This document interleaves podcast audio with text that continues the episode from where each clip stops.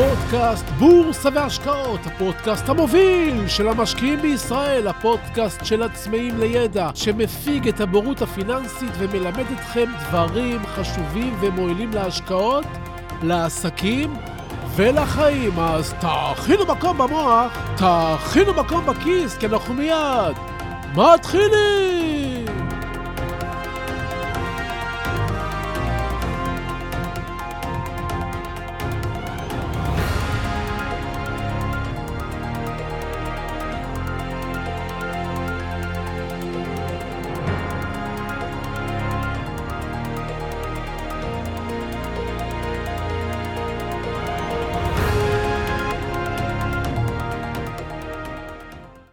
כל משטרת נתניה חיפשה אותי באותו יום.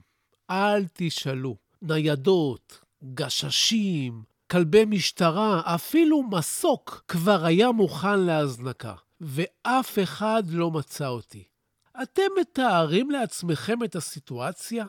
לפני 45 שנה היית יכול להיעלם, ואף אחד לא ידע היכן אתה.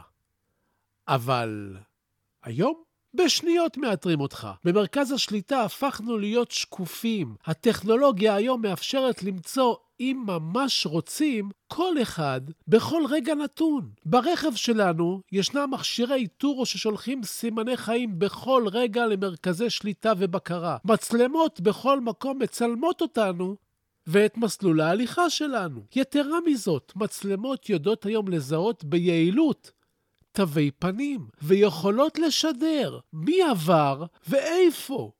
המחשבות שלנו שקופות היום דרך הבינה המלאכותית של פייסבוק, גוגל, וואטסאפ, אתרי קניות, וכל לחיצה שלנו על המקלדת כבר מתורגמת לטובת מישהו, והטלפון הסלולרי הוא בכלל... אבל רגע, רגע, אתם רוצים ודאי לדעת מה הסיפור שלי עם המשטרה. אז לפני שניגש לסלולרי, אני אסגור לכם את הפינה. בגיל עשר, בחופש הגדול, קמתי בוקר אחד והחלטתי שאני רוצה חמור. חמור! למה חמור? אז נראה לי שזה כיף שיש לך חמור ואתה יכול לרכוב עליו בשדות שהיו בכל מקום באזור מגוריי.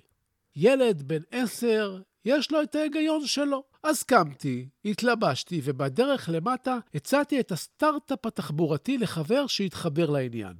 והלכנו לחפש חמור. איפה יש חמור? הוא שאל אותי. לא יודע, עניתי לו, אבל אם לא נחפש, בטוח שלא נמצא. וככה יצאנו לשוטט בשדות ובשכונות משעה עשר בבוקר. טלפון לא היה, שעון יד עדיין לא קיבלתי, והלכנו לתומנו ולהנאתנו, החבר ואני. אמא שלי, עליה השלום, שחזרה מעבודה בשעה שתיים ולא מצאה את הילד, שאלה פה, חיפשה שם, אין ילד. השעון רץ, ארבע אחר הצהריים, חמש אחר הצהריים, והילד איננו. אמא שלי רצה למשטרה והרימה את כל התחנה, תמצאו את הילד! וככה החלה משטרת נתניה לחפש אותנו עם כל הכוחות, אבל לא מצאה. יכולת האיתור המוגבלת של שנת 1977 נשמעת מצחיקה היום. בסופו של דבר, חזרנו בשמונה בערב רכובים על חמור לבן. קשרתי את החמור בחנייה של אבא שלי, בבניין המשותף, ועליתי הביתה. אתם כבר יכולים להבין איזה ערב זה היה. אמא שלי התקשרה מיד למשטרה והודיעה שהאבדה נמצאה. אני, שהייתי כנראה מיובש, עייף וצרוב משמש, התקלחתי ונכנסתי לישון אחרי הסברים והתנצלויות בשקט, בשקט. בחמש בבוקר העיר אותי אבי עליו השלום ושאל אותי, החמור בחנייה שלנו, זה שלך? כן, אמרתי לו. שחררתי אותו, הוא כבר שעה נוער, העיר את כל השכונה המסכן, רעב, צמא. באותו יום קיבלתי הרבה תובנות, ביניהן שאתה יכול להשיג הכל, בעיקר אם מישהו לא אומר לך שאי אפשר להשיג, שאפשר להיעלם בלי שימצאו אותך, ושצריך להיות אחראי ולהודיע שאתה נעלם, אחרת זה יוצר בעיות. ו... ועוד משהו, אם אתה מביא חמור, תדאג קודם כל שתהיה לך עורבה. טוב, נו, ככה לומדים. שנים אחרי כבר היה לי טלפון סלולרי ומקום לעורבה, אבל כבר לא יצאתי לחפש חמורים. זמנים משתנים, אתם יודעים? שלום וברוכים הבאים לפודקאסט בורסה והשקעות, הפודקאסט המוביל של המשקיעים בישראל. והיום נשוחח על טירות, מבצעים, מבצרים, סוסים טרויאנים ועוד דברים שיגרמו לכם ליצור הקשרים חדשים במוח ולהתפתח. אז תהיו ממוקדים, תכינו מקום במוח, תכינו מקום בכיס, כן, אנחנו מיד ממשיכים.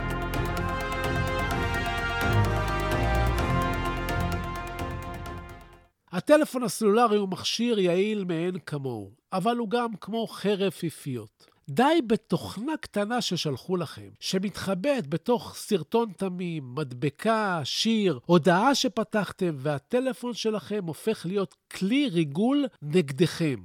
באמצעות אותה תוכנה זדונית אפשר לדעת עליכם הכל. פשוט הכל. לצפות בכל החומרים שיש לכם במכשיר טלפון, בהודעות, בתמונות, להפוך את הסלולרי שלכם למשדר, להאזין באמצעותו לשיחות שלכם, אפילו למה שנאמר בחדר.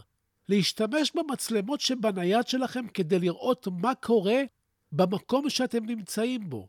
וגם לאכן אתכם, למשל, אם הייתם ליד חולה מאומת. התוכנות הללו נקראות סוס טרויאני. ומדוע קוראים להם סוס טרויאני? טוב, אז בואו נדבר קצת על מיתולוגיה יוונית. טרויה העתיקה הייתה בנויה כמבצר. היוונים ניסו במשך תשע שנים לכבוש את טרויה ולא הצליחו. מבצר בימים ההם היה בנוי במקום המוקף סביב סביב חומה גבוהה מאוד, ממש הרמטית. דמיינו שכונה שסביבה חומה כמו בעיר העתיקה בירושלים.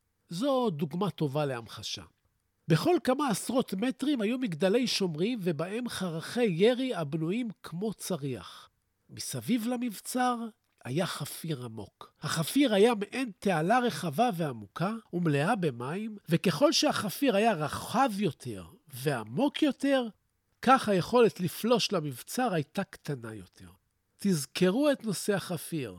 מיד נחזור אליו. לכל מבצר היה שער אחד, שכדי להגיע אליו, היה צריך לעבור על גשר שהיה מעל החפיר, שלפעמים אפילו רבצו בו תנינים. ורק אם היית רצוי, היית יכול לעבור ולהיכנס. אם לא היית רצוי, היית זוכה למטר של חיצים מושחזים שנורו לעברך מהקשתים הדרוכים על החומות. ממש ש"ג של המבצר. מאחר והיוונים לא הצליחו לחדור לטרויה, עלה במוחם רעיון. הם בנו סוס עץ ענק וחלול, והם הכניסו לתוכו, לתוך בטנו החלולה, לוחמים מנוסים עם כלי נשק, והם דחפו את הסוס הזה לשער הכניסה לטרויה. הבאנו מתנת שלום, הם צעקו מרחוק. קחו את הסוס כמתנת פיוס ורצון טוב, הם אמרו לשומרים. אחרי זה הם התרחקו והשאירו רק את המתנה ליד השער, את הסוס הטרויאני. לאחר כמה התייעצויות, וכמובן שהיוונים נסוגו לאחור, נפתח השער הענק, וסוס העץ הענק, שעמד על גלגלי עץ לצורך הנאה קלה, הוכנס אחר כבוד. כמה דקות אחרי, יצאו מתוך הסוס העץ לוחמים יווניים, הפתיעו את אנשי טרויה, הרגו את השומרים ופינו מקום בשער לכניסת גדודי לוחמים יוונים. ככה נפלה טרויה. הסוס הזה שנכנס כמתנה, אבל גרם נזק ענק, נקרא סוס טרויאני, ומאז ועד היום משתמשים במושג הזה כשרוצים להיכנס למחשב או לטלפון שלך, ושולחים לך מתנה יפה ותמימה שבתוכה תוכנה זדונית. אז תשימו לב למתנות האלה, או במילים אחרות, אין מתנות חינם. השיטות כל הזמן משתכללות. זה מזכיר לי שמפלגה אחת של שומרי מצוות רצתה כתובות של קהל מצביעים פוטנציאליים לפני תקופת הדאטה. אז הם הסתובבו ברחבי הערים, והם הציעו לכל אחד לקנות מילה בספר תורה חדש שנכתב בימים אלה תמורת שקל. שקל? בכיף, למה שלא נתרום שקל עבור מילה בספר תורה? דתיים או חילונים, זה זכות, נכון? וככה כולם תרמו שקל. ורק התבקשו לתת שם מלא וטלפון כדי שיברכו אותם, והנה לכם מאגר מצביעים פוטנציאלי איכותי בשקל לאדם. אגב, הספר הזה נכתב בפועל בסופו של דבר. זו לא הייתה הונאה, אלא איסוף מידע מתוחכם. אוקיי, אתם זוכרים את החפיר שדיברתי עליו? נכון, החפיר, אותה תעלה שמונעת מפולשים להגיע לחומות המבצר. השיטה הזאת כל כך חשובה וחכמה, בעצם שהיא מצליחה למנוע או לעכב מאוד פולשים או מתחרים לא רצויים, עד שהיא אומצה על ידי עולם העסקים. ושמה נקרא חפיר כלכלי, על שם אותו חפיר.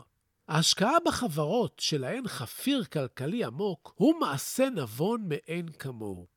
הוא מביא למשקיע תשואה טובה וערך גדול לאורך שנים. חברה שלא ניתן או קשה להתחרות בה היא חברה סופר מעניינת להשקעה, לעומת חברה שכל אחד יכול להתחרות בה. לשם המחשה, עסקים שקל להתחרות בהם למשל, הם קופיקס, שהחל למכור קפה בחמישה שקלים, ואחריהם כל הרחוב התחיל למכור קפה בחמישה שקלים. אין חפיר, רק מחיר. מספרות לגברים הם עסק שקל מאוד להתחרות בהם. פיצוציות, פיצות שכונתיות, חנויות פרחים. בעסקים כאלה אין בדרך כלל משהו שמגן עליהם מתחרות.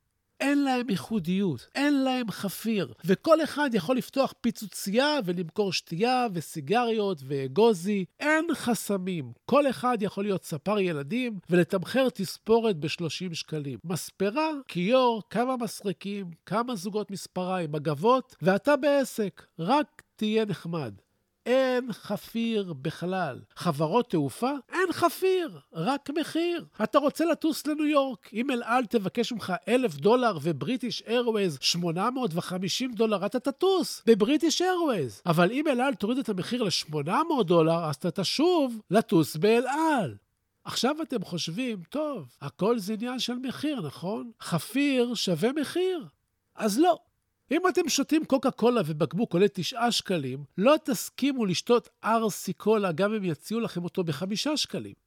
אם אתם מתגלחים בסכין של ג'ילט שעולה תריסר שקלים ליחידה, לא תעברו לסכין אחר למרות שקיימים בשוק סכיני גילוח בחצי מחיר. אם אתם חובבי הרלי דיווידסון, האופנוע המיתולוגי, אתם תהיו מוכנים לשלם עבורו 100 אלף שקלים, ולא להתפשר על שום אופנוע אחר. לקוקה קולה, לג'ילט ולהרלי דיווידסון יש חפיר סביב המותג והמוצר. ישנה תעלה רחבה שלא ניתן לדלג מעליה. רוצים למכור מסכות לקורונה? בבקשה, כל אחד יכול, פשוט.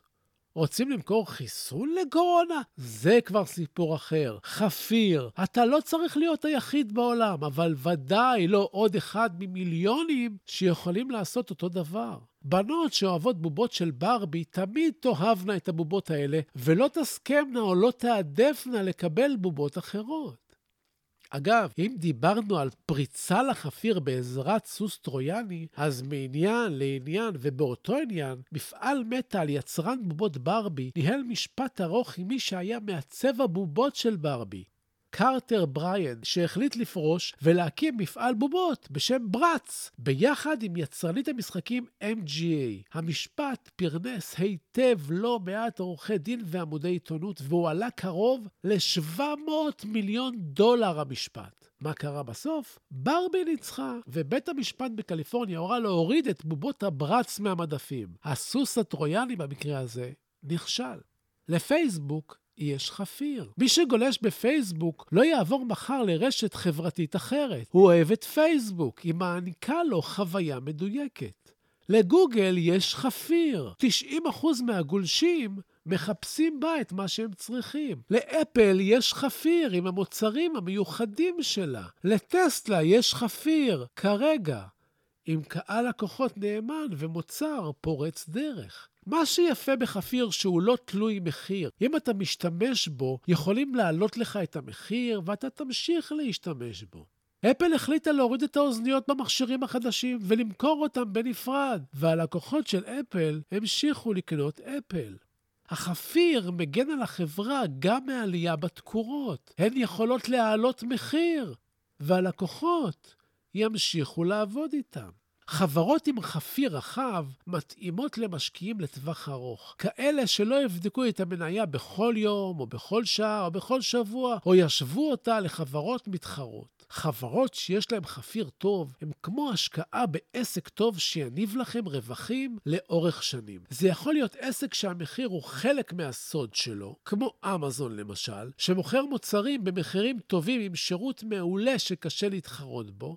כל כולה של החברה לטובת הצרכן, זה החפיר שלה. אמזון גם מעדכן את הצרכן בשינויי מחירי המוצרים שבסל שלו, והלקוח מקבל את זה בשלוות נפש. זה יכול להיות מותג שאנשים אוהבים ולא יהיו מוכנים להחליף, כמו קוקה קולה, או רולקס, או נייקי.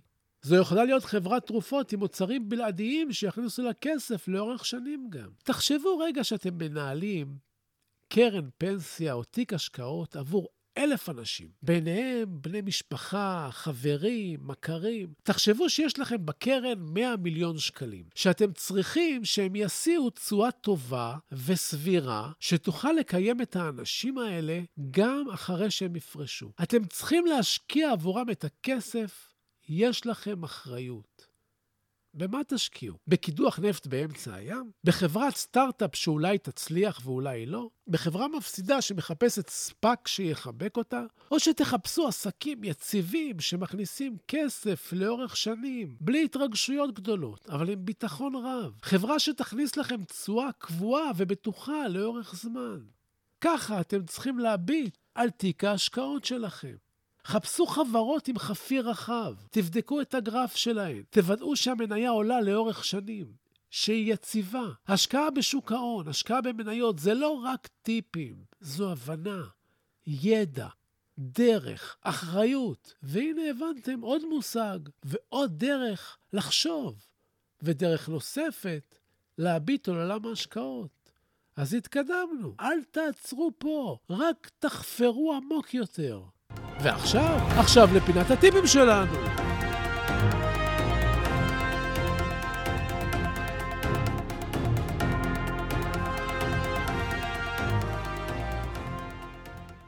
אי אפשר להרוויח כסף ממניות שהסיבה הבלעדית הגורמת להן לעלות היא שעוד כסף מושקע בהן. מניות שעולות בגלל שהן עושות עסקים טובים והרווחים שלהן גדלים, הן ראויות להשקעה. מניות שרק עולות בגלל מילים כמו פוטנציאל, עתיד, אבל ללא פעילות עסקית ריאלית, לא תמיד תחזקנה מעמד לאורך זמן. אם יש לך חנות שעובדת ומוכרת ומתפתחת, יש סיכוי שערכה יעלה. אם יש לך חנות סגורה, אבל רק רעיונות מה לעשות בה, ערכה סטטי. זה כל התורה על רגל אחת.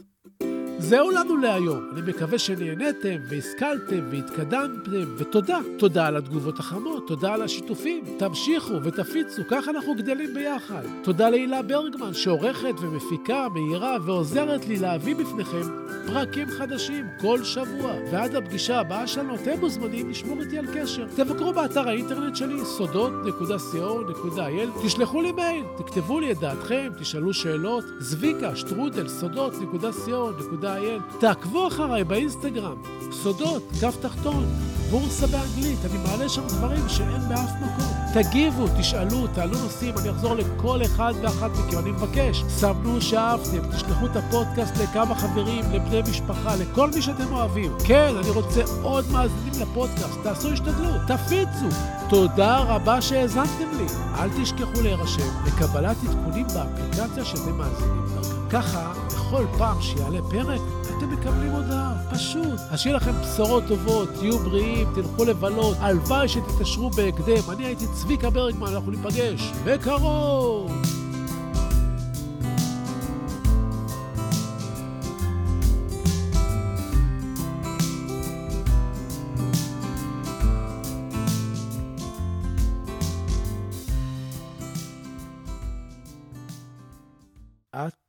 אט-אט גובע פבלו נרודה. אט-אט גובע מי שלא נוסע, מי שלא קורא, מי שלא שומע מוזיקה, מי שלא מוצא את החן בתוך עצמו. אט-אט גובע. זה שהורס את האהבה לעצמו. זה שדוחה עזרה מושטת. אט-אט גובע. זה המשועבד להרגליו. החוזר יום-יום על אותם המסלולים. אט-אט גובע. זה שלא מחליף את המותג, שלא מחליף את צבע הלבוש, שלא משוחח עם מישהו שהוא לא מכיר.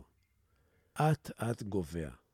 זה שמתחמק ממערבולות החושים, המונע מעצמו תשוקות המחזירות את הברק לעיניים ומשקמות את הלב ההרוס. אט-אט גובע.